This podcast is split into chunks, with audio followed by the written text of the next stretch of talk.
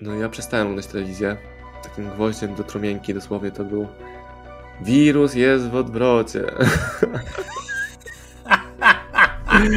Czy ja znam, wyniosę na pewno kult ciężkiej pracy, to bez dwóch zdań, ale co do tego dodałem, dodałem jeszcze kult mądrej pracy. Że bardzo często jak ktoś prosiłem, nie, nie mamy pieniędzy, nie, nie damy, nie, to za drogie.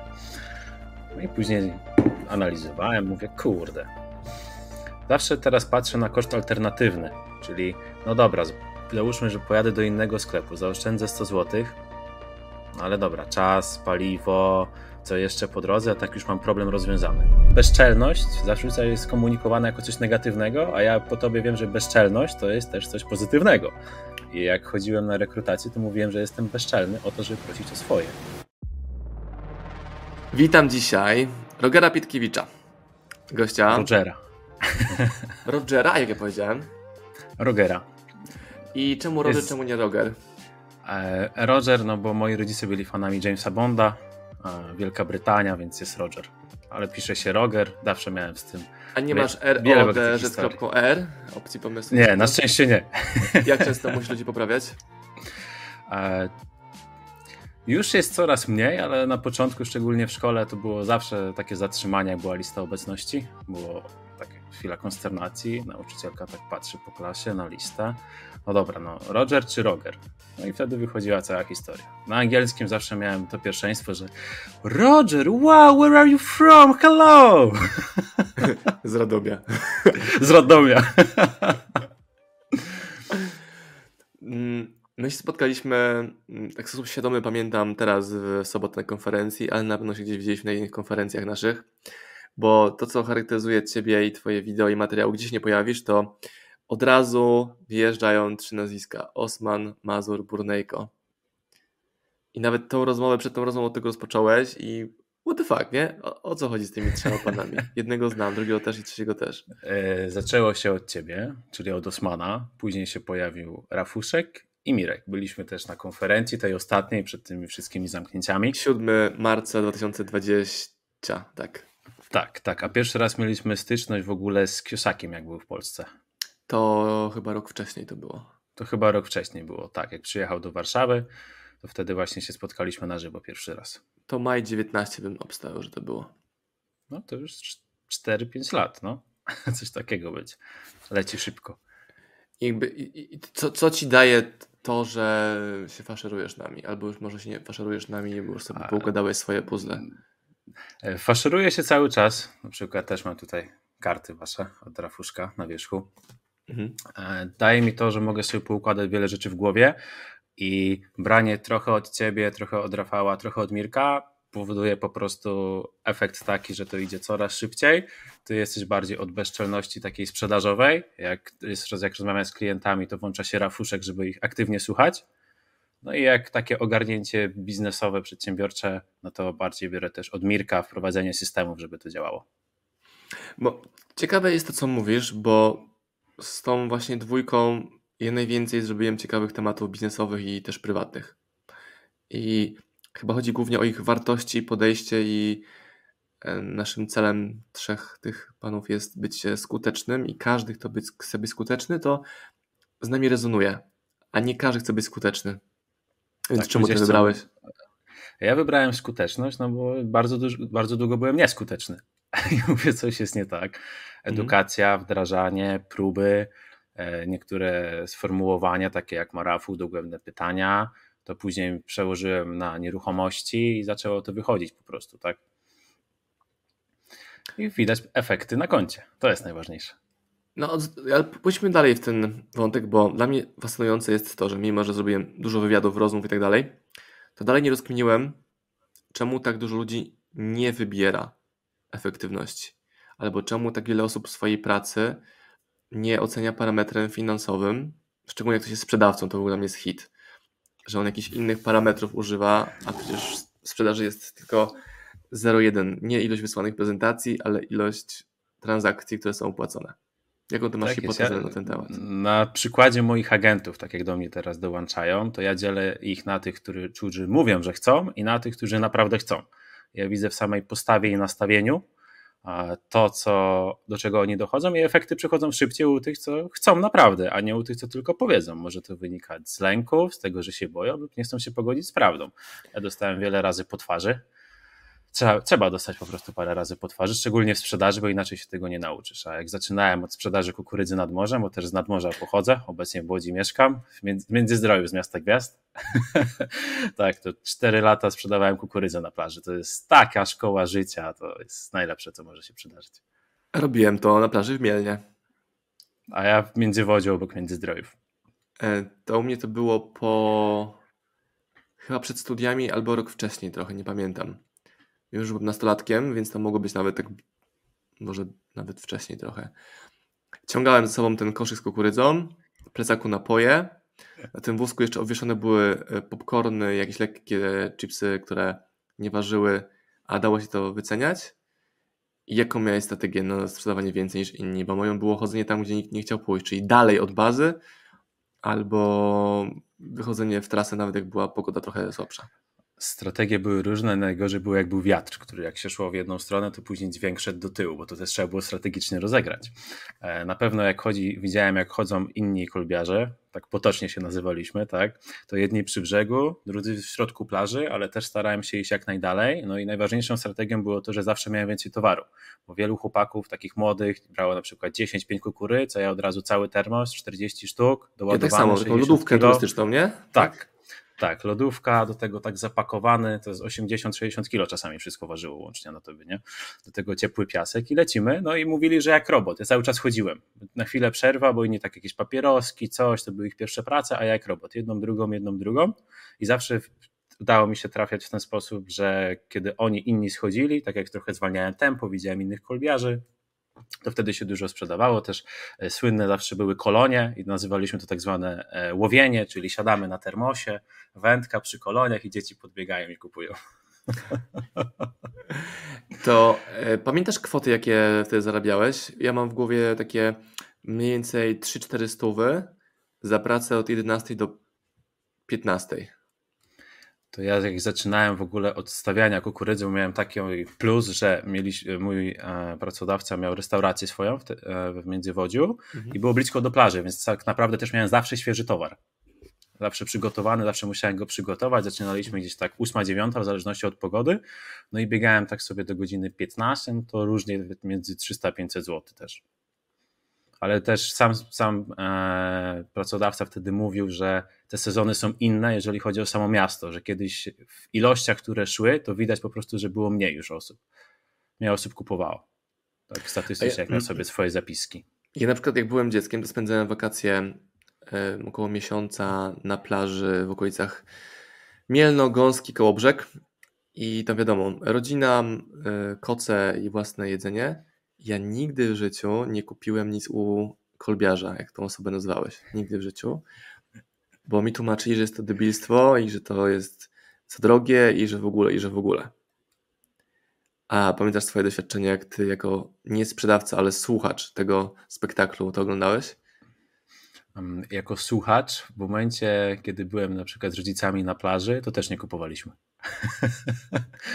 Później jak już trochę poczułem, jak to działa, to jakiś tam chłopak przychodził, to mu coś mówiłem, krzycz głośniej, krzycz wiatrem, coś tam i tak dalej. Szkoliłem i niektórzy jak byli sympatyczni, to wygrywali po prostu. Tak, taka gadka, swoboda w rozmowie. No wiesz, u mnie to wynikało stąd, że to był główny argument za drogo albo overpriced, tak jakby to powiedzieć po polsku, overpriced. Najfajniejsi byli zawsze poznaniacy. Jak z Poznania, to jemu się należy taniej. To uwielbiałem ich zawsze. Proszę rabat albo dwa w cenie jednej, bo jestem z Poznania. Tak, albo przychodził, mówił, że chce taką cenę, ja już wiedziałem, że i tak płaci więcej, więc mówię, ok. Ale nawet podczas e, patrzenia, jak inni kumple sprzedawali, no to też były różne strategie, a też były różne podejścia. I mam wrażenie, że kto jak wtedy działał, tak teraz w życiu ma. Może to jest zbyt ogólna hipoteza, co o tym sądzisz? E, bo można było leżeć na plaży, można było iść 3 godziny, 4 i ten hajs pocisnąć. I nawet tak. teraz, tam lat, temu, lat 15 później, te 4-5 stów dziennie to jest dużo dla wielu ludzi. No pewnie, że tak.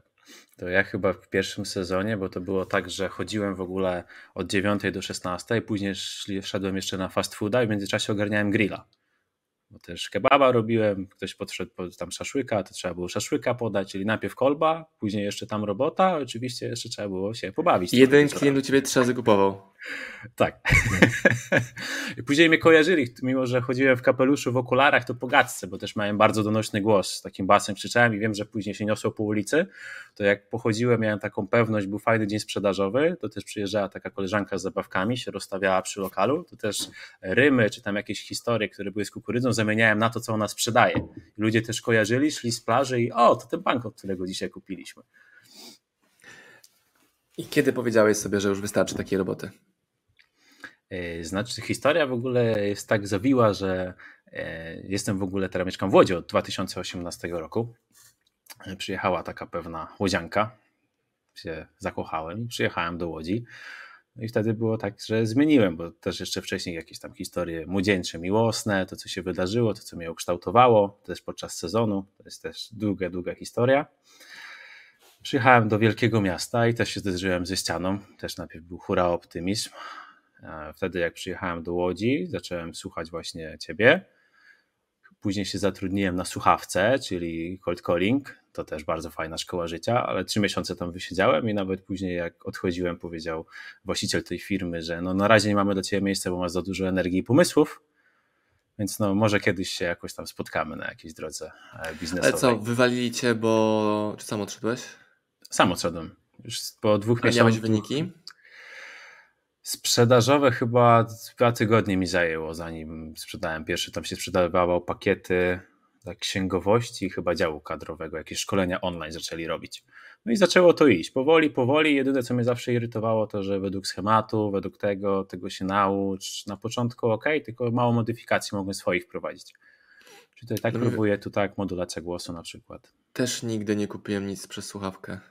Nigdy. Ale znam ludzi, którzy kupili przez słuchawkę rzeczy. Na przykład mój teść kupił, do niego dzwoniła firma, żeby książki sprzedać, takie duże, drogie książki jakieś biznesowe. E, nie kupił, ale kupił od nich atlas wędkarski dla mnie. O, proszę. Czyli ktoś skold kolował go i sprzedał mu atlas wędkarski, który kupił mi na prezent. Hit, jak to w ogóle słucha. Ja mówię, no, no, no dzwonią do nas regularnie, czasami przychodzą jakieś paczki z takimi mini książeczkami, mini próbkami. Sobie, no, tej strategii nie testowałem u siebie. Wiesz, pytam o to, kiedy było to dość pod kątem zmiany strategii, bo to są ważne momenty. Ty mówisz, że przeprowadzka do miasta, że dziewczyna. Ja powiedziałem sobie dość pracy w restauracji w Londynie już po drugim razu, razie bycia tam, bo to było zbyt proste, zbyt łatwe i to w żaden sposób nie było rozwijające już. Więc jak poczułem, że jest już nierozwijające, to się zawi zawinąłem. I co Dla mnie przede wszystkim no? strategia nie tyle co samo podejście do życia. Ja mam trochę inne, bo było tak, że ja zawsze byłem uczniem, który miał czerwone paski, najwyższe oceny i, i tak dalej. Tylko widziałem, że nie dawało to efektu finansowego. Mówię, no coś tata Rozjazd, mówi, tutaj nie? szkoła, tutaj to. Mówię, on sam tutaj zapierdziela. Mówił, że w szkole był średniakiem i tak dalej. Mówię, no coś mi się tu nie spina. Ja zawsze chciałem iść do pracy.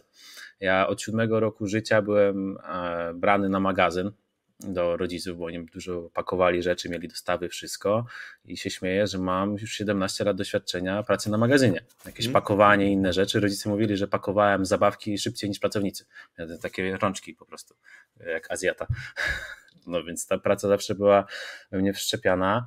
E, no i było tak, że chodziłem do szkoły i później jakby też miałem pracę z rodzicami, cały czas pomoc, e, robota, więc później to wyszło, powiedziałem też basta i u mnie był taki czynnik, że chciałem uciec po prostu z tamtego miejsca, trochę takiego życia innego.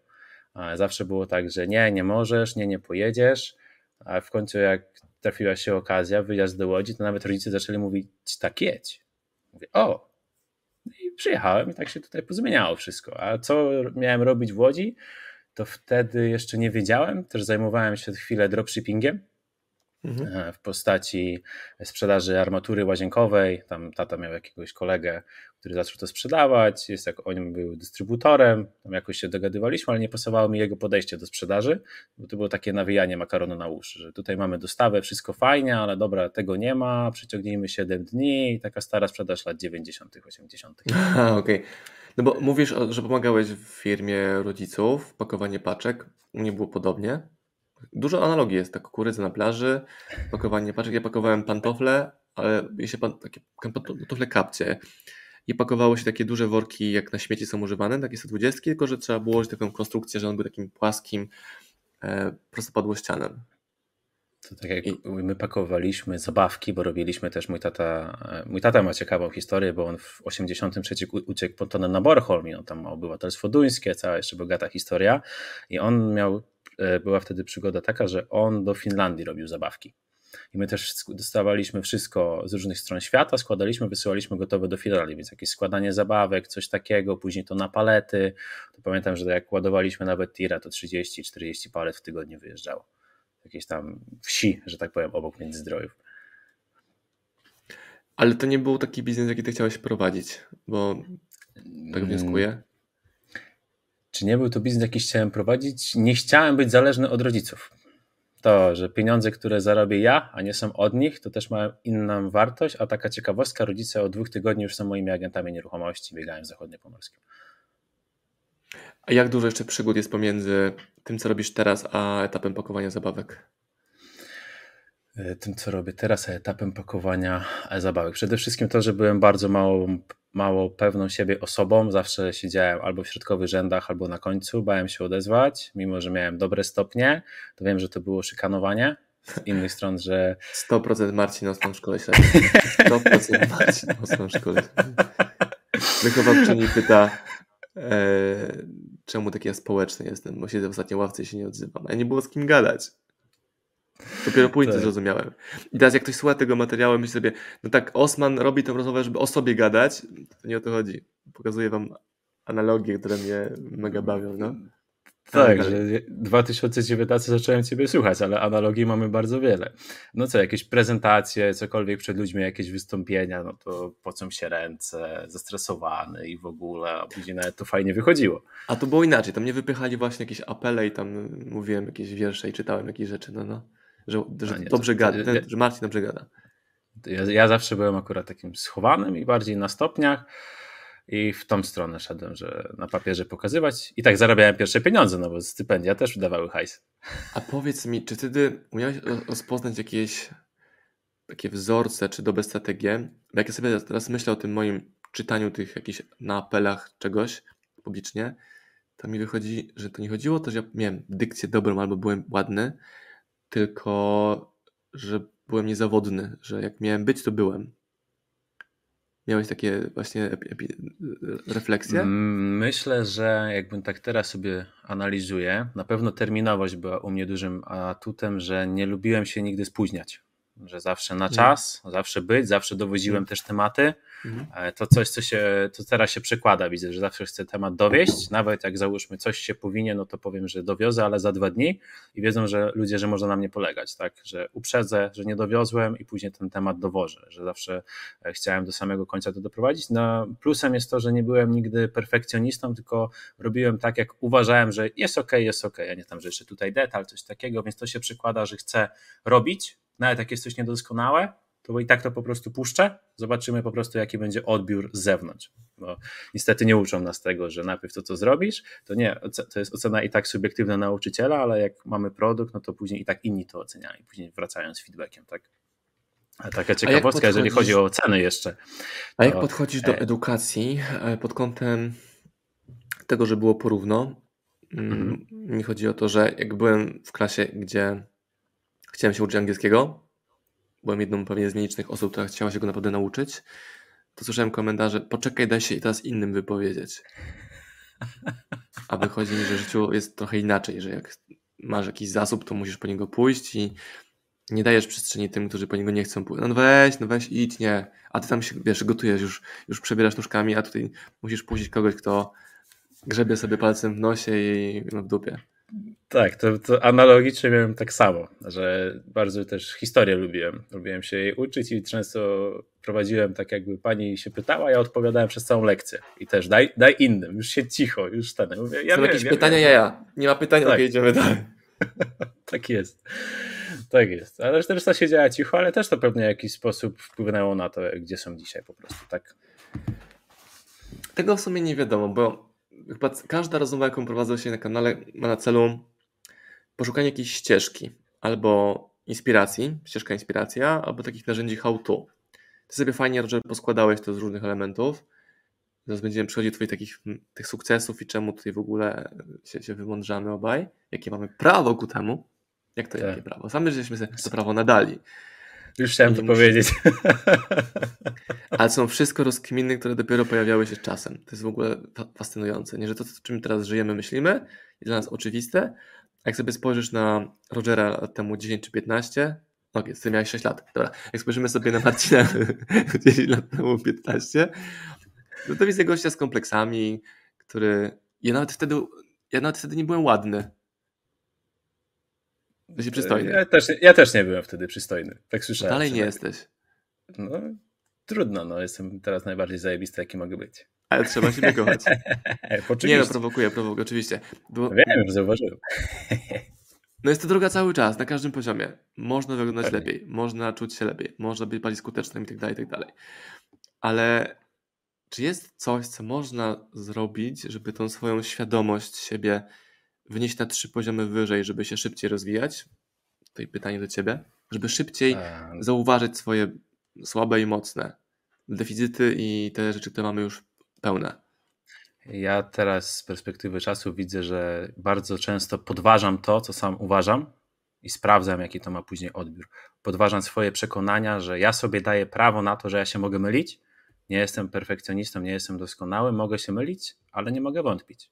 Czyli jak nawet z klientami prowadzę jakąś rozmowę sprzedażową i załóżmy, że narzędzie sprzedażowym jest cena i bardzo wielu agentów nie potrafi tej ceny w ogóle uzasadnić, wynegocjować, a że ona jest narzędziem, to nawet jak damy swoją propozycję, to bardzo wielu agentów ma takie, a może to jest zła cena. Ja mówię, to jest cena, jaką uważam na teraz, a co wyjdzie później, to dopiero zobaczymy, bo też się mogę mylić, będziemy musieli zmieniać i analizować, modyfikować. Ludzie też boją się eksperymentów, nie? Wydaje mi się, że coś musi tyle kosztować, ile kosztuje teraz. Tak, to tak jak z zakupami w Biedronce, że często mówię, jak ktoś przychodzi do mnie na nieruchomość, że czy jesteś do negocjacji, a czy w sklepie w Biedronce, czy w jakimś owszą pani negocjuje. Mimo, że ludzie mają do tego prawo i o tym nie wiedzą, bo tak jest sformułowane. Co innego, jeżeli chodzi o decyzyjność akurat w sklepach, tak? Już mnie nazywali hamem, prostakiem, burakiem, bo porównuję sprzedaż mieszkań do sprzedaży w sklepie. Ale w ogóle zapytanie o rabat jest wstydliwe. Albo jak już jest ktoś z starej szkoły, jakiś nie, mój tata, który będzie żydził o ten rabat 5 zł na czymś tam, albo wychodzi obrażony, bo tam jakaś cena, nie wiem, ościeżnicy do drzwi w ogóle. To też mam tutaj w drugą stronę opinię o tym. Mi się spodobało z soboty to, co powiedziałeś jednemu chłopakowi. O Jezus Maria, nie wiem, co ja mówiłem w sobotę. E, że chcesz sprzedawać jak milioner, a kupujesz jak pizda. Okej, okay, takie było przesłanie. Ta, ta... Coś takiego, takie przesłanie było. No. no. ja uwielbiam sprzedaż na stoiskach, na konferencjach i to jest w sumie mój główny powód bycia na konferencjach, że mogę spotkać się z klientami. I jest taki klient, który tak mędzioli, a wbiega Roger, który kupuje wszystko, czego nie ma i kupuje coś jeszcze, co jeszcze jest w preselu w ogóle. Tak. Jeszcze się pyta, czy ma ciekawe. Tak. I teraz na jakim kliencie mam się skupiać? Na Rogerach tego świata, czy na tych, którzy miałczą jończą? Ale ta moja pewność a propos dealu, jaki tym chłopakom tam przedstawiałem, polegała na tym, że ja wiedziałem, że mam dobre rzeczy i wiedziałem, że oni tego chcą. I wiedziałem, że mogę i wiedziałem, że mogę tego, że jak oni tego nie kupią, moje życie się nie zmieni. No ale nie zawsze tak było. Na pewno ty i ja nieraz, nieraz na początku drogi kariery, że braliśmy o deal. Albo braliśmy jakieś takie tak. główne tematy. Tak, takie, które zabierały czas, energię i pieniądze jeszcze do tego, nie? Ja sobie na początku bardzo wiele razy tłumaczyłem, że to jest na edukację i to też pozwoliło mi trochę przetrwać, że dobra, kolejny deal będzie ok, uczymy się, nie? A potem przyszedł kolejny deal i no kurwa, trzeba było dorzucić. No. A jak jest u Ciebie w takim razie z kupowaniem? Bo ja miałem długo rozkminę, żeby sobie kupić droższe rzeczy. Szukałem jakiejś okazji i tak dalej. Mm, że nie potrafiłem wydawać na siebie pieniędzy tak. Okay, to może wynikało z jakichś tam traum bankructwa wcześniejszego, e, lat temu 15 prawie już, jako mechanizm zabezpieczający mnie przed jakimiś błędami, ale też nie czułem się taki godny, że sam mogę pójść kupić nie wiem, garniaka za piątaka i że to jest ok. To u mnie się zaczęło w ogóle temat pieniędzy i tego, że nie chciałem kupować droższych rzeczy w domu. Że bardzo często jak ktoś prosiłem, nie, nie mamy pieniędzy, nie, nie damy, nie, to za drogie. No i później analizowałem, mówię, kurde. Zawsze teraz patrzę na koszt alternatywny, czyli no dobra, załóżmy, że pojadę do innego sklepu, zaoszczędzę 100 zł, no ale dobra, czas, paliwo, co jeszcze po drodze, a tak już mam problem rozwiązany. Na to nikt nie patrzy. Czasami łatwiej zamówić kurierem dostawę, nawet w tym samym mieście, jak się mieszka, żeby nie tracić czasu na dojazd do tego sklepu. Oczywiście, że tak. Ale ludzie traktują też zakupy jako przyjemność i rozrywkę. No, pytam, no do, dopamina się wtedy nam ładuje, nie? Że a, kupione, to też jest to też to, ale nie każdy patrzy na właśnie te koszty, które są około zakupowe, jak to nazywam.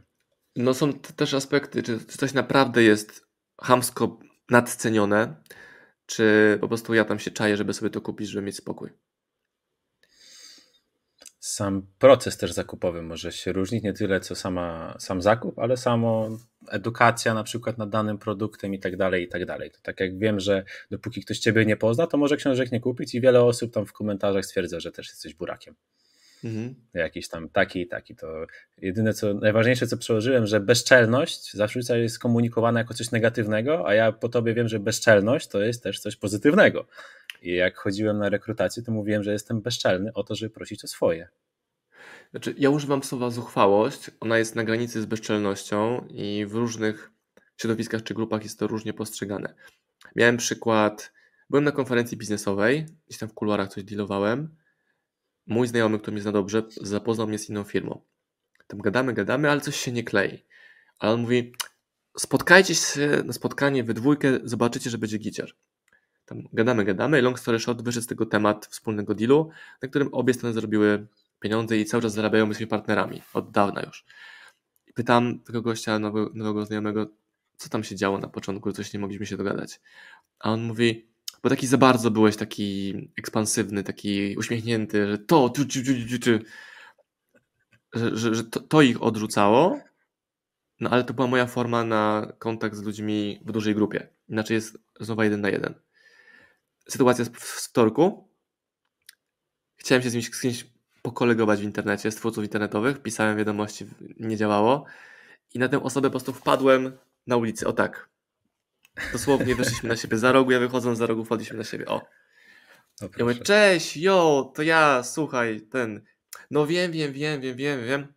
Pytam, co jest? W sensie, nie pasuje ci, czy, czy, czy idziemy dalej w relację? A on mówi, nie no, tak spoko teraz gadamy, spoko się gada. Słuchaj, masz teraz czas, to chodźmy też na tą kawę. Półgodzinną, a gadaliśmy ponad godzinę. I o co chodziło? Że on, widząc mój, e, moje wideo wiadomość na Messengerze, go odrzuciło, że taki złotousty gość, który coś tam wciska, coś z tego, a ja nic nie chciałem, chciałem się po prostu pokolegować. Tylko, że ta wiadomość w tym środowisku e, osadzona powodowała, że byłem zaliczony do grupy tych ludzi, którzy są na dziwni, nie? Coś tam chcą, jakieś, nie wiem, co oni będą wciskać, a na spotkaniu na żywo wychodzi, że ja naprawdę się uśmiecham cały czas. No tak. Tak jest, potwierdzam. Dobra. Czyli tak, mamy już kilka tematów przerobione. Wiemy, że to wszystko wina naszych rodziców, jak mówi tak. Dan Penia. I już jesteś. Już czekam na książkę. Już tak. Się tłumaczy. Już masz e, Łódź, już tam się trochę otrząsnąłeś z tej przeprowadzki i co się dzieje dalej? Czy to był najniższy etap twojego życia wtedy właśnie? Mm, wtedy, jak się przeprowadziłem do Łodzi, myślę, że tak. Bo w ogóle nowe środowisko. Akurat analogia, którą jeszcze widzę, to że bardzo często zmieniałem środowisko. Że tak jak zachodniopomorskiego, no to w Międzyzdroje mała miejscowość, chciałem uciec dalej, to nie uciekłem do Szczecina, gdzie rodzice mieli szybki dojazd, godzina, półtorej, tylko do koło brzegu, gdzie już sam pociąg jechał cztery. No i też całkowicie nikogo tam nie znałem. Później to samo analogicznie do Łodzi, gdzie tak naprawdę nie znałem nikogo, a teraz tu już bardzo wiele osób kojarzy mnie po prostu z internetów czy z jakichś tam nieruchomościowych rzeczy, bo rynek łódzki też nie jest jakiś spektakularnie duży się okazuje. No ale tak pierwsze te zmiany tutaj, no to wiadomo, że musiałem zmniejszyć swój poziom życiowy i później dopiero budować, budować, budować też to, że do pracy, że tutaj nie jest tak łatwo, No ale z czasem, z czasem próba, edukacja, zmiany, wystawianie się na ekspozycję. To jest chyba najważniejsze, żebyś mimo wszystko, że nawet jak idziemy, to ja też czuję dyskomfort czasami, że coś tutaj ściśnie, coś jakiś brzuch, jakiś trochę stres, coś się trochę spoce, to jest normalne, ale potem z czasem, im więcej takich sytuacji jest, tym jest to bardziej jak ryba w wodzie. Ja po raz pierwszy przeczytałem książkę Tima Ferisa o wychodzeniu poza strefę komfortu, że on tam wychodzi, w książce czy podcaście jego, whatever, że on wszedł na ulicę i na przykład się kładł na środku ulicy, na poboczu gdzieś tam, żeby się zmierzyć z tym spojrzeniem ludzi, którzy są wokół, dziwnie patrzący na niego. I ty tego nie rozumiałem, a później to po swojemu przerobiłem, czyli zabawę dyskomfortem. Tak. Czyli testowanie na... w środowisku, gdzie tam nie umrzesz, że w momencie, gdy masz sytuację, ok, może umrzesz, to te umiejętności się odpalają na poziomie mega wysokim. Tak, tak. To jeżeli chodzi o takie sytuacje, kiedy wszyscy patrzą, no to my to przerobiliśmy na plaży. O no. No, wyzywali tam jednie takie, zamknij mordę, wiele razy słyszałem przecież, tak? Ale nawet to, że ty jesteś w robocie, a oni są na relaksie, to jest tak. zupełnie inny świat. Bo po coś innego przyjechali, to jest takie zaburzenie. Tam chodzą kolejny, kolejny, kolejny. No, ale też a były to nie wynika też stąd, że, że też działasz w branży konkurencji, gdzie tych chłopaków tam chodziło więcej i to można to zarówno przełożyć na wtedy, jak i teraz, na biznes, jaki robisz, pewnie. To jest moja hipoteza, więc o tym pogadajmy. Że otoczenie, w jakim pracujesz, też ma wpływ na postrzeganie ciebie. Czyli pośrednik branży nieruchomości. To jest zajebista akurat analogia. No. no, że pośrednik branży nieruchomości to jest taki gość, który naciąga kupującego na prowizję, że to mieszkanie on by sobie mógł sam znaleźć ten klient. Tak, tylko pytanie, czy działamy od strony sprzedającej, kupującej, to rzecz pierwsza, a druga, ja działam szczególnie z sprzedającymi, po to, żeby oferta też była atrakcyjna, żeby ktoś chciał przyjść. Dwa, e, emocje grają bardzo dużą rolę. Jak ludzie sprzedają swoje nieruchomości, to zazwyczaj jest to dobro, które, na które pracują całe życie, więc też nie powierzą temu byle komu. Mhm. I dwa, wchodzą emocje, że przychodzi klient, który jest jedyny, załóżmy od pół roku i on da jakąś ofertę 100 tysięcy na przykład mniejszą. Od razu nie, w ogóle niech pan wyjdzie i tak dalej. A bardzo często jest tak, że po dwóch, trzech dniach ktoś się zastanowi, ma jakąś potrzebę, bo ja zmieniam też ludziom życia tak naprawdę, także zmiana stąd miejsca życia to też ma bardzo duże znaczenie. Później sobie ja z nim chwilę porozmawiam z taką osobą i wychodzi, że okej, okay, 100, ale tam ktoś jeszcze może dorzucić 20 tysięcy. A jeżeli chodzi o pośredników, no to jest bardzo, bardzo, bardzo popsuty rynek e, i, i wiem, że podejście w ogóle pośredników to jest e, takie z łaską i jak to często mówimy, to może jeszcze loda za darmo możecie zrobić, niestety. No wiesz, ja pytałem, kupiłem moją nieruchomość pierwszą dwa lata temu i mnie wkurzało to, że oferta jest inna niż to, co widzę. Gdybym widział to, co jest naprawdę na ogłoszeniu, bym w ogóle nie pojechał. Oszczędzając czas sobie i tej drugiej stronie, a też zazwyczaj jeszcze ciągnąć, ciągnąc moją rodzinę e, na ten wyjazd oglądania nieruchomości. Piękna no. działka, e, piękny dom z wielką działką, wielkim kasztanowcem. Myślę, zajebiście dla dzieci, idealna przestrzeń. Przychodzimy, a tam wokół tego domu taka, taki sznurek takiej odległości od ścian, to jest do sprzedaży, a ten kasztanowiec jest tą działką, to, to nie jest do sprzedaży, to jest dzierżawione od jakiegoś nadleśnictwa. Więc tego nie możemy sprzedać, ale jak kupicie ten dom, no to będziecie mogli tego używać. I w ogóle, i tam wiesz, jest pośrednik i tak dalej. Musisz sobie. Ja nie mogę. No, ale to wynika też. Ja mam taką analogię, że bardzo wielu. Jak dzwoni do ciebie osoba, która jest zainteresowana daną nieruchomością, do mnie, to zawsze zadaję pośrednikowi pytanie: OK, co zainteresowało, że pan, pani zdecydowała się zadzwonić? To jest jedno pytanie, które już otwiera w ogóle rozmowę. I już na, na etapie telefonu możemy wybadać i dowiedzieć się, czy czy ta nieruchomość jest na pewno na niego. Tylko mamy dwa modele sprzedaży nieruchomości, bo pośrednicy działają albo na otwartych, albo na tak zwanych wyłącznościach po prostu potocznie. Ja działam na wyłącznościach, więc ja nie mam też tych ofert 200-100, tylko mam załóżmy 20, 30, 15 w zależności od okresu i, i też pracy, do ile się przykładam i pamiętam każdą. Najważniejsze szczegóły, co jaka nieruchomość, też jestem w stanie to powiedzieć. Jak ktoś ma umów otwartych, na przykład 200-300, nie jest w stanie tego zapamiętać. Po prostu. I później wychodzą takie cyrki. To jak pada deszcz na przykład, tutaj jeszcze umowa i wchodzimy, a potem, a nie, to nie to mieszkanie. I idą dalej. No kurde, co to jest w ogóle za podejście? No też nieznajomość tematu, nieznajomość produktu, nieznajomość potrzeb. No, dom, dom. No ale czemu ten dom kupujemy? No bo ten dom ma nas interesuje najbardziej, gdybyś to pytanie mi zadał, to bym powiedział, nas interesuje dom przy ścianie lasu, który ma światłowód, jest gotowy do zamieszkania od razu. No Nie? i tak, już wiemy, że deweloperskie odbadają do wykończenia, albo to trzeba wykończyć po prostu. Jest to dom, który chcę kupić teraz, nie za rok, nie za pół, bo chcę, żeby e, moje drugie dziecko już było w nowym domu, a nie, że tam będziemy jakieś remonty, przejścia, coś tam mieli. Więc jak nasz dom zobaczyliśmy, no to siedzimy na tarasie z właścicielem i kupuj, już go kupiliśmy. On nie wierzy, że go już kupiliśmy. Pomyślcie, nie no, ma to, co ma mieć, idziemy dalej, klient świadomy. Tak. Już decyzja zakupowa i potem, ale, ale jak? Jeszcze później bronienie, ale że już? I to tyle? I co przeszkadza zamiast od razu. Dobra, idziemy dalej.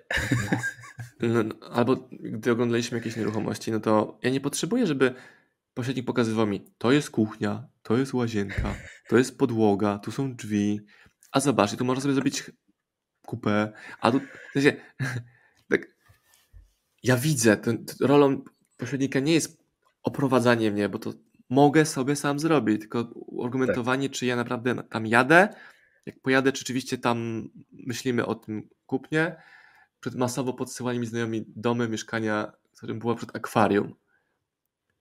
Już gotowe Okej. akwarium z rybami, nie? I tak mówię, no dobra, lubię ryby, ale ja wszędzie mówię, że ja nie chcę mieć akwarium, bo to trzeba się w tym urobić. Nawet jak jest Tak. firma, kto serwisuje to. To nie jest ten etap. Ważniejsza jest No tak, przestrzeń no, dla dzieci, nie to, czy tam są ryby. Więc to było też mega słodkie, że mi wszyscy podsyłali nieruchomości z rybami. No tak, jak ktoś przychodzi na prezentację, to też zaczynam, czy dla siebie, czy inwestycyjnie. Ok, w którą stronę idziemy? I teraz kieruję rozmowę. Dobrze. Gdzie Państwo obecnie mieszkają i dlaczego chcą zmienić? Ok, dwa pokoje, trzy pokoje. Śpicie razem czy osobno? I to są takie pytania bardziej szczegółowe i sprawdzamy, czy tutaj jesteśmy na tej nieruchomości, dwie sypialnie są ok. Czy układ odpowiada? Tak czy nie? I dopasowuję to mieszkanie do ich potrzeb. Jeżeli widzę już, że coś jest nie tak, nie to, to też nie, bo też przychodzą i może wyjść tak, że to nie będzie dla nich po prostu. No, my kupiliśmy nieruchomość e, ponad budżet, który sobie założyliśmy, bo oglądanie nieruchomości tańszych pokazało nam, że to nie jest to. Ale oglądając tańsze, to wyrobiliśmy sobie, ok, czyli to nie można w tym budżecie tego zrobić, musi być większy, jeśli chcemy mieć to, co chcemy rzeczywiście komfortowo mieć bez kompromisów. Więc też proces, przez który prowadzi mnie, czy to pośrednik, czy nawet właściciel nieruchomości, czy ja wydałem 20% więcej na nieruchomość, niż myślałem, że wydam i to było spoko, ale potrzebowałem pomocy, żeby mnie w tym przeprowadzić. Zgadza się. A jeżeli chodzi też takie zmiany, to bardzo często ktoś, ok, ma swój pierwszy zamysł, dobra, potrzebujemy takich, chce to, chce to. Pośrednik przeprowadza taką osobę i bardzo często na przykład ktoś mówi, że chce w danej lokalizacji, a kupuje z 20 km dalej albo jeszcze gdzieś indziej. Mhm. To też jest bardzo częste. I też klienci powinni się edukować. To tak jak to, co od Was akurat e, u Ciebie, Mirka, Rafała, że z tym domem, że ludzie kupują dom i tak naprawdę decyzja trwa chwilę, biorą kredyt na x lat i już tam zamieszkują, ale czy będą się w nim czuli dobrze, czy też nie, ja jestem zdania, żeby też mogli sobie potestować, żeby dom wynająć na miesiąc, na dwa, popróbować. Z tego co wiem, to Wy chyba wynajmowaliście dom z Kamilą, prawda? Wynajmowaliśmy ponad rok dom i widzieliśmy, że to jest okolica, w której chcemy mieszkać, ale chcemy pójść bardziej w las jeszcze. I otwarliśmy się na szukanie różnych tam nieruchomości. I nasza, nasza nas znalazła wtedy, jak odpuściliśmy w ogóle szukanie, bo nic, co było w internecie, nie, się nie, nie nadawało. A tą nieruchomość, ona była na Otodomie, przegapiłem, bo jako kryterium dawałem wielkość działki minimum 1000 metrów, a ta miała tam 990 chyba metrów. I mi filtr się w ogóle nie pokazywała. Plus była w budżecie wyższym niż miałem założony. Ale znalazłem ją tutaj meandrując przypadkiem, jeżdżąc między uliczkami. Ale zgadzam się z tym testowaniem. No, y, nas zamawiają znajomi, kupcie sobie mieszkanie na Maderze, skoro wam się tak Madera podoba. Dobra, ale ja nie jestem jeszcze gotowy kupić nieruchomość na Maderze, bo ja nie wiem, czy chcę mieć własną nieruchomość na Maderze, więc pójdziemy tam w pomieszkanie jeszcze dłużej, czyli będzie nasza trzecia wizyta, gdzie pomieszkamy pewnie teraz 3-4 miesiące, a nie jeden miesiąc. I może po tym okresie mi kliknie albo nie. Ktoś mówi, dobra, może to później wynająć. Ale ja nie jestem chyba gotowy na inwestowanie hajsu w nieruchomości, gdzie później zarabiam na turystach i później brzydzę się trochę tym mieszkaniem, że tam muszę ja zamieszkać, bo wiem, że tam różni ludzie przychodzili przez nie. Inne podejście zupełnie. Więc ktoś mi coś ciśnie o nieruchomościach, inwestycjach, to mu pokazuje, dobra, ja robię flipy na książkach. Czemu ty flipu na książkach nie robisz, tylko nie, nieruchomości mi sprzedajesz? I tak dalej, i tak dalej. No, tak jest. A czy ty, czy ty zarabiasz duże pieniądze? w stosunku do tego, co jest w Polsce, to chyba tak jak gdzieś czytałem, to jestem w 5% najbardziej. No, a to za nie jest takie trudne, abyś w 5% wbrew pozorom. Myślę, że więcej niż przeciętny taki. A czemu te nieruchomości akurat się u Ciebie pojawiły? Czemu się akurat Ciebie pojawiły nieruchomości u Ciebie? E, trochę przypadkiem, ale trochę też dlatego, że słuchawka, Osman, bezpośredniość i mogę sobie taką sprzedaż, taką sprzedaż. Telefon, bezpośrednie spotkanie z klientami i mogę to sobie co chwilę wymieniać. Jakieś jazdy. Ja na przykład ciekawą rzecz, którą zauważyłem, że jak często jeżdżę na nieruchomości, to może w ciągu roku trochę też mniej podróżuję, dlatego że samej, że tak powiem, pracy nad nieruchomościach, ja poznaję nowe rzeczy, wchodzę w inne otoczenie. Jakby ten taki, jestem spełniony w momencie tego, że nie muszę gdzieś jechać, coś zobaczyć, tylko zawsze poznaję i mam ten bardzo dużo bodźców do mnie przychodzi, przez to czego, przez, dzięki czemu mój mózg się też bardziej edukuje. Ok, tu takie miejsce, tu to. Nawet jest jakiś fragment łoci, ulica, której nie znałem, jadę i też jest ok, dobra, już ten mózg inaczej pracuje zupełnie, tak? Więc też jestem rzucany tak naprawdę co chwilę na nowe sytuacje, nowe nieruchomości, które są bardzo ciekawe i mają bardzo ciekawe historie. To wczoraj miałem ciekawą rozmowę z kolegą, który mówi: Marcin, ja w końcu zrozumiałem, dlaczego ja jestem krawcem, czemu szyję garnitury. Mówi, że robię to dlatego, że każdy mój klient jest człowiekiem sukcesu na przeróżnych obszarach. Ktoś, kto nie jest człowiekiem sukcesu, on nie przyjdzie sobie uszyć garnituru tam za piątkę czy dychę. Nie ma opcji. Więc on ma samych ludzi takich wyłącznie wokół siebie. A jakich ty masz ludzi wokół siebie w twoim biznesie? W moim bardzo teraz wiele osób trafia podobnych do mnie, szczególnie, bo ogólnie teraz rekrutujemy też bardzo dużo i bardzo wielu młodych chłopaków, lat 20-19, którzy chcą też trochę zmienić e, swoje życie i chcą spróbować w nieruchomościach. Jeszcze jest taki e, zamysł, że nieruchomości to jest prestiż, no bo nie każdego stać na tą nieruchomość. E, okay, to też jest taki droga... trochę mam wrażenie, że ludzie chcą mieć nieruchomość, robić na niej flipy czy wynajmować i mają z tego tysiak miesięcznie. I tak myślę sobie, ktoś bierze, nie wiem, pół bańki kredytu albo więcej, żeby mieć tysiaka miesięcznie, w skali tam cyklu nieruchomości, to... ale tak serio? I tego nie rozumiem. Znaczy... E, tu... Mhm. Tutaj akurat też tak jak Kuba Midel bardzo ma swój przekaz taki na te kawalerki, na te nieruchomości, na wszystko, on też ma efekt skali, więc w zależności w to, co włożymy i też ostatnio kolega się mnie pytał, mój fryzjer, e, słuchaj, mam tam 50-100 tysięcy, nie w co zainwestować, to ja mu mówię w głowę. Nie no, ale jak, ale jesteś z nieruchomości, dlaczego w głowę? No bo zobacz, cokolwiek się nie wydarzy, przykładowo, załóżmy zaczyna się wojna w Polsce odpukać, wjeżdżają nieruchomości, już nie mają wartości, wszystko, wszyscy będą chcieli uciekać. A jak masz głowę, to gdziekolwiek się pojawisz, to i tak później będziesz mógł sobie to poradzić, tu wyprowadzić, tu trochę być sprytnym, tu zrobić tak, tu zrobić tak. I te doświadczenia, które tutaj będziesz miał, pozwolą ci w każdym miejscu się odnaleźć. Nie będzie to stanowiło problemu. A on dalej swoje, a czemu nie nieruchomości? I ten, mówię, no kurde, sam siebie słyszysz, tak? Ludzie chcą zarobić pierwsze 50-100 tysięcy i od razu z tego zrobić milion. Zamiast małymi krokami można użyć jako dźwigni. Każdy ma różne podejście. Ty bardziej chcesz operować gotówką, jak ja bym miał e, mieszkanie, na razie mam działki, teraz też buduję swoją inwestycję deweloperską ze wspólnikami, e, to kredyt, ok, to jest jako dźwignia, żeby całego kapitału nie używać. Zawsze też mieszkanie można sprzedać w każdej chwili. Jeżeli patrzymy w kontekście strategicznym takim, że to nie jest konsumpcyjnie dla mnie, tylko żeby na tym zarabiać, to pierwsze mieszkanie najpierw tysiąc, ale potem mamy składane. Kolejne, kolejne, kolejne to już się robi nawet, nie wiem, 500, 1000, 500, 1000, potem jest to spłacone i już się robią fajne kwoty w przyszłości, no bo to długoterminowo trzeba patrzeć. A niestety każdy chce od razu tutaj już wyda 50 i zarobi 5 milionów. Najgorszy jest pierwszy krok i nikt go nie chce zrobić. I później tak jak sprzedaż książek, pamiętam na Kiosakim wystąpienie, jak sprzeda 10 tysięcy książek. Cisza, cisza, jedna po drugiej i rozjebana scena. Nie? Do tego występu akurat nie mam nagranego, żeby sobie to nawet włożyć tutaj jako klip do tego materiału, ale no, ja sam się czasami dziwię, wiesz, znaczy dziwię. Sobie tym przypominam, że całe u nas wydawnictwo powstało od książki Biznes ci ucieka, która kosztowała cztery dychy. Nie? Moja pierwsza I książka, też... którą kupiłem. O widzisz, moja pierwsza, którą napisałem. I też nie skupiałem się tym, czy, czy warto, czy nie warto to robić, tylko mówię, dobra, jak książka kosztuje cztery dychy, a koszt jej druku kosztuje na okrągłą dychę, zarabiam 30 złotych mam produkt, który jest łatwo duplikowalny. Wysyłam maila do drukarni, drukują, przyjeżdża paleta, mam kolejny tysiąc egzemplarzy książek. I to działa. Więc w sumie chyba nie ma znaczenia branża, jaką się wybiera, czy ma? Ja jestem zdania, że sprzedaż to sprzedaż. po prostu. A co z tym zamrożeniem rynku nieruchomości? Nikt nie kupuje, nikt nie sprzedaje, nikt książek nie czyta. No, tak, takie to są, są takie, powiem tak. poważne rzeczy, ty się nie śmiej, młody człowieku. to są komunikaty, które wpływają, przez to ja mam więcej pracy operacyjnej niż strategicznej. Kropka. E, to, co się tam dzieje z zewnątrz, to jest modyfikowane, moderowane, spoko, ale potrzeby każdy ma jakiekolwiek. Rodzina się powiększa, zmniejsza. Ktoś umiera, zawsze będzie popyt na nieruchomości. To tak jak e, wystąpienia na integracji, to moje takie osobiste zdanie jest takie, będzie bardzo kontrowersyjne, że wszyscy mówią, że dobra lokalizacja i małe mieszkania do 60 metrów. To nawet ja bym mógł wystąpić i to powiedzieć. Po prostu, bo to będzie potrzebne, czy dla studentów, czy dla kogoś, czy komuś się zmienia, e, czy ktoś ma za duży kredyt, to chce sobie zmienić na mniejszy, żeby polepszyć sobie życie. Po prostu tak będzie i każdy będzie miał jakąś potrzebę. Nie każdy kupi, kto może, ma jakieś środki, tylko ten, który będzie potrzebował. I to będzie zawsze. Rodzina się powiększa. Ktoś nie będzie mieszkał na jednym, dwóch pokojach, tylko będzie chciał trzeci.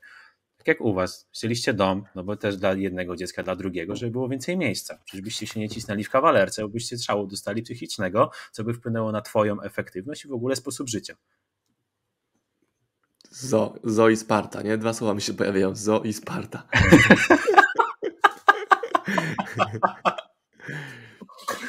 o, to, to by było grube.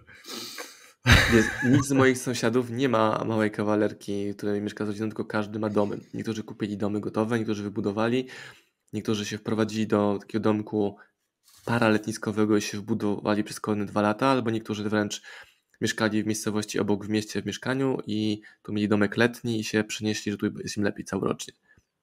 Więc tu tutaj, gdzie ja mieszkam, nie ma popytu na małe mieszkania i kawalerki. Jest, są popyty na domy z działką, ogrodem i najlepiej jeszcze z lasem czy drzewami, które dają cień. A większość działek tak naprawdę jest tutaj wybudowa domu wybudowana na działkach bez niczego, gdzie rolnicy przekształcili grunty. Mhm. Masz takie prostokąciki 1000 metrów, na których są budowane domki. Czasami kopiuję wklejki, czasami metodą mam taką gospodarczą trochę jeszcze ale sama ten sam. Dwójka ludzi mają dziecko, czy będą zaraz mieć dziecko, prowadzają się, pojawia się drugie dziecko. Inne zupełnie mechanizmy. Etapami, bo to jest tak jak zaczynamy, ok, tutaj najpierw pierwsze mieszkanie ktoś chce mieć, dobra, później rodzina się powiększa, albo większe mieszkanie, albo dom i potem z wiekiem to są starsze osoby, które już nie chcą domu, bo przy tym trzeba robić, ogród i tak dalej i chcą przejść do mniejszego mieszkania znowu. I tak naprawdę cały czas jest cykl, czyli tu się zmienia życie, tu sobie zmieńmy, tu się zmienia, tu się zmienia, no i to będzie zawsze, po prostu. Więc te wszystkie krzyki, że rynek idzie w dół, e, że jeszcze tam jakieś inne, już jest zamrożenie, to wszystko kwestia głowy. Jeżeli ktoś rzetelnie robi, ma chęci, żeby robić i wie, że robi dobrą robotę, to po prostu będzie sprzedawać i to się będzie kręciło. Napisałem kiedyś na fejsie, że e, ja się wypisuję z światowego kryzysu nie, nie będę w tym udziału. Co tam były kontrowersje. Postanawiam się wypisać z światowego kryzysu. Ale jak to masz? Ty pierdzielisz, pogięło cię, czego się naćpałeś? No, mój świat jest inny, równoległy. Problemy są wszędzie, rozwiążę, mam pieniądze. Jak do tego dołożę kreatywność, marketing, sprzedaż i długoterminowość, to wszystko działa. Tak, to ja też się bardzo odcinam i wiele komunikatów trafia gdzieś tam w jakimś towarzystwie, ewentualnie znajomy, że coś w telewizji, coś co i bardzo się cieszę, że dopiero wtedy się o tym dowiaduję, bo wiem, że jestem w miarę ok odizolowany od tego, taka dieta niskoinformacyjna, co mm -hmm. powoduje mi, że nie zajmuję sobie czasu głupotami, tylko ok, to jest do zrobienia, a tu jest to i tych rozpraszaczy jest po prostu mniej i mogę się skupić na tej konkretnej robocie, tak? No te informacje w ogóle nie istnieją, czyli mój świat dzisiaj to jest rozmowa z Rogerem, nie gadamy prawie już godzinę, a nie jest to poranna telewizja, którą włączamy i tam słyszymy o, o wojnie, o inflacji, o tym ile polityk ukradł, o tym kto tam umarł gdzieś. To nie jest tak, że neguję te rzeczy, one są, ale to, że ja będę inhalował je, wciągał, to w żaden sposób nie podnosi jakości mojego życia, a wręcz przeciwnie. No bo tak szłoby się ja... załamać, nie?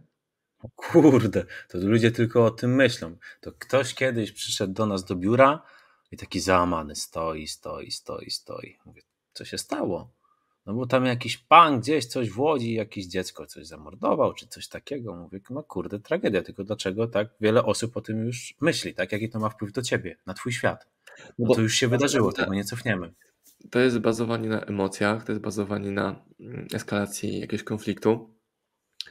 Mm, no ja przestałem oglądać telewizję.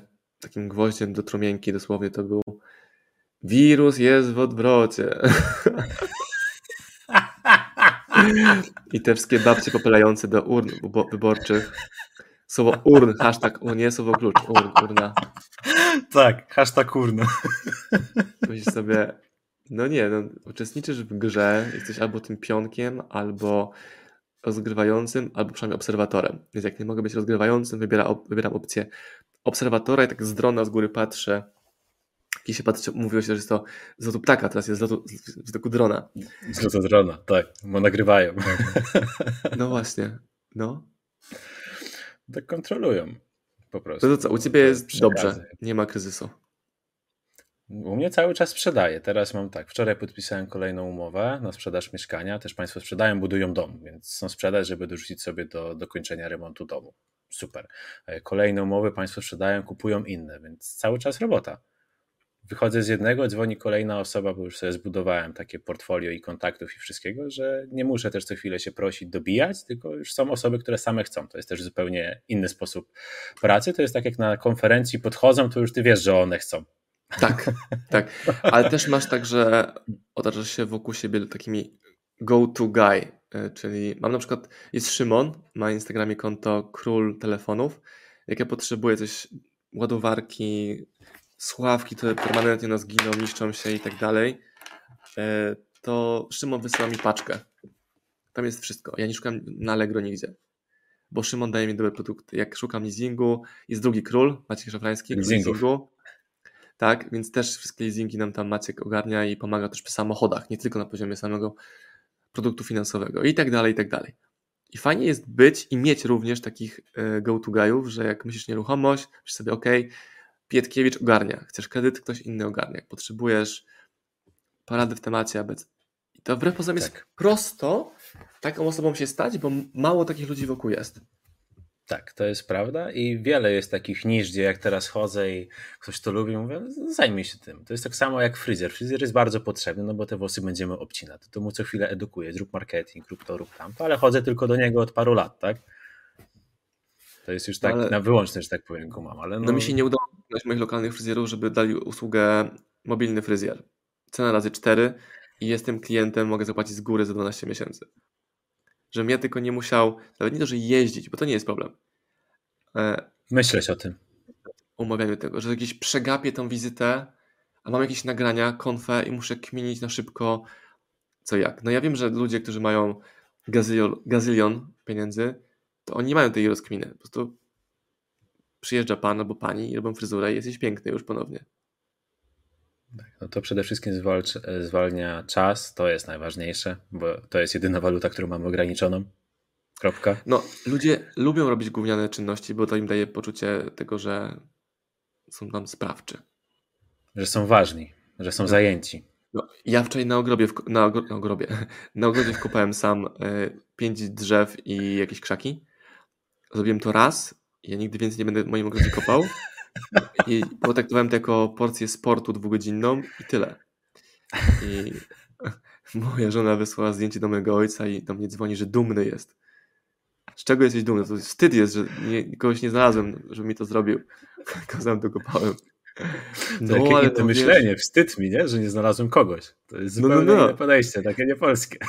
No bo to jest połączenie. Mam, czy ja z domu wyniosę na pewno kult ciężkiej pracy, to bez dwóch zdań ale co do tego dodałem, dodałem jeszcze kult mądrej pracy. Tak. Jak coś jest tylko ciężkie, tego nie ruszam. Z tym się zgodzę. To jest, to trzeba dodać mądrą, bo trzeba, można robić, robić, robić, ale sprytnie, mądrze po prostu, tak. A zauważyłeś też to, jako już ostatni wątek naszej rozmowy, że ludzie zaczynają ciężko pracować, ale nie kminią, że to ciężka praca z czasem musi być mądrzejsza i sprytniejsza, żeby to było mniej nawet męczące, a bardziej efektywne na poziomie powiedzmy finansów czy jakości życia? Nie patrzą na efektywność, co robić. Bardzo na przykładzie to podam. Moi agenci, którzy chodzą na spotkania, którzy zaczynają, to wiadomo, że każde ich kolejne spotkanie będzie lepsze niż to, które było. Ale każde, na które idą, jest najlepsze, jakie mogą wykonać po prostu w danym momencie. Kropka. Mówię, żeby spróbowali się jakoś nagrać, żeby siebie sami odsłuchali, bo to, co. Zrobili więcej prób już, sobie szansę. Zrobili więcej prób, do tego mogą sobie wracać, to jest najważniejsze, mogą wracać, analizować i zmieniać bardzo często wystarczy samo nagranie, to już nie liczy się mój feedback, żeby oni sami siebie usłyszeli. To było coś, co się u mnie sprawdziło. Jak ja poszedłem na pierwsze spotkanie, to w ogóle jest niebo a ziemia, ale obiad na pierwszym zjadłem, bo pani powiedziała, że ma spaghetti polonezę i czy chce, no to kurde, tak, Osmana słucham, oczywiście, że tak. I każde kolejne ulepszanie. Tu zmieniamy, tak zmieniamy. I potem tak, Rafuszek, idealnie do spotkań, tu tak, tu tak. Zadawaj pytania. Nie jesteś ty najważniejszy, tylko ta osoba, bo każdy może sobie zrobić to sam. Pytanie, czy to, co oferujemy, jest dla drugiej oso osoby. Jeżeli ktoś chce usilnie tak, nie idź to. A każdy przychodzi już z karabinu, dostaje od nas amunicję, on wchodzi od razu z karabinem, zaczyna napierdalać, że tak powiem, a się okazuje, że gościu leży na ziemi, wystarczyłby nóż. Oczywiście wszystko mówię kolokwialnie i niedosłownie, tak? No. I to jest piękne i wydawałoby się, że my dużo oczywistości omówiliśmy, ale trzeba jeszcze być takim pewnym siebie, że na to zasługujesz, że, że możesz po to sięgać, że to jest Praca nad głową. No, to jest najważniejsze, praca nad głową. Pomagają osoby, którymi się otaczasz, to na pewno. Jeżeli nie masz takich osób w pobliżu 5 kilometrów, to na przykład ja słuchałem właśnie dużo YouTube'ów, was, że tutaj, ok, tu jedno, tu jest zupełnie inna perspektywa. Sobie tak czasami kminiłem. No dobra, ale to co mówią ci się nie sprawdza, ale ci YouTube'owcy, no to się sprawdza. To potem działamy, robimy Kogo słuchasz? Stronę, tak? Kogo właśnie słuchasz, tak. Ja mówię każdy... O, pytanie do ciebie. Czemu ty nie nagrywasz wideo na YouTube'a? E, nie nagrywam wideo w sensie. Okej, okay, dobra. Mam, mam już parę YouTube'ów, ale nie produkuję tego regularnie. No mówię o Twoim koncie, nie, nie guest postach, mhm. tylko o Twoim koncie. Jak Kanał na YouTubie mam. Mam parę, no. mam parę filmów, ale jeszcze nie jest to regularna robota. No wiem, no byłem na Twoim YouTubie yy, i czekaj, gdzie on się schował ten YouTube? Mam zaplanowane na razie shortsy i oj, strategicznie... Oj, przepraszam, no coś mi tu wybuchło. No. Mam nagrane shortsy, są już zakolejkowane, się pojawiają co poniedziałek. Takie dłuższe materiały wymagają więcej czasu, wiem, że to można podzielić i chcę osobę sobie szukam, która mi to może montować i kontrolować. Zewnętrzną osobę, która nie będzie myśleć, spotykamy się jeden dzień i mi to skontroluje. Więc jak ktoś słucha tego e, odcinka, to bardzo chętnie niech pisze do mnie, zobaczymy jak możemy razem podziałać. Bo chcę to wydelegować. Sam montaż, bo teraz dużo montowałem sam rzeczy, tak? No dobrze, montaż to jest jedno, ale samo nagranie to łatwiej będzie tobie nagrywać, po prostu ustawić sobie swój telefon, jeśli masz dobrej jakości telefon i masz to wideo wyprodukowane. Ale to, to już taki... Mu... Tak, bo, wiem. Bo dobrze się z tobą rozmawia, dobrze ciebie się słucha, masz oryginalne pomysły, e, też siejesz kontrowersją i to jest potencjał na to, żeby klient, który z tobą się spotka, mógł sobie wpisać nazwisko tego Rogera, Rogera, Federera, Wietkiewicza i sobie e, sam zadać pytanie, czy chce od niego coś kupić. Jak już tam wbijasz na tą zupę pomidorową do tego mieszkania, to on już wie, że chcesz, że on już wie, że chce być jego tak. reprezentantem albo żeby od ciebie coś kupić. To z YouTube'em ja mam jeszcze takie swoje wewnętrzne przekonanie, że chcę dorzucić trochę więcej jakby jakości do tego wideo, mimo że może to nie mieć żadnego znaczenia, tak jak ty mówisz. Przeczysz, przecież, przeczysz sobie sam. tak. Więc tu masz sobie sam. jakieś inne przekonania, więc do kosza to i odpalę YouTube'a. Okej, okay. dobra. Dziękuję panu bardzo za rozmowę, panie Rogerze Pietkiewiczu. Dziękuję bardzo, panie Marcinie. Gdzie odesłać naród? Gdzie naród odesłać do ciebie? E, wpisujemy Roger Pietkiewicz w internecie. Z tego co wiem, wyskakuje na pierwszych stronach. Jak chcecie moją stronę internetową, to rogerpietkiewicz.pl. Tam macie kontakt do mnie. Nie jest trudno znaleźć, czy numer telefonu jeszcze obecnie, czy jakiegoś maila, czy tak samo YouTube, czy Facebook, czy na TikToku coś tam też rolki zacząłem wrzucać. Wszędzie Roger Pietkiewicz wpisujecie. I wyskakuje no i taka Cała strategia na personal brand. Pisz moje imię, nazwisko i ja zadbałem o to, żebyś trafił akurat na mnie, a nie na innych Rogerów, Rogerów i itp. Tak jest. A celem jest być najbardziej rozpoznawalnym Rogerem w Polsce. A nie bardziej skutecznym? Jako sprzedawca na przykład? Albo A to jest taki cel niesocial mediowy. Dzięki ci. Dobrze, dziękuję Ci pięknie za godzinną rozmowę. Godzinną Jezu, to rozmowę. już godzina. Dziękuję Ci bardzo. Dziękuję za zaproszenie. Pozdrowienia.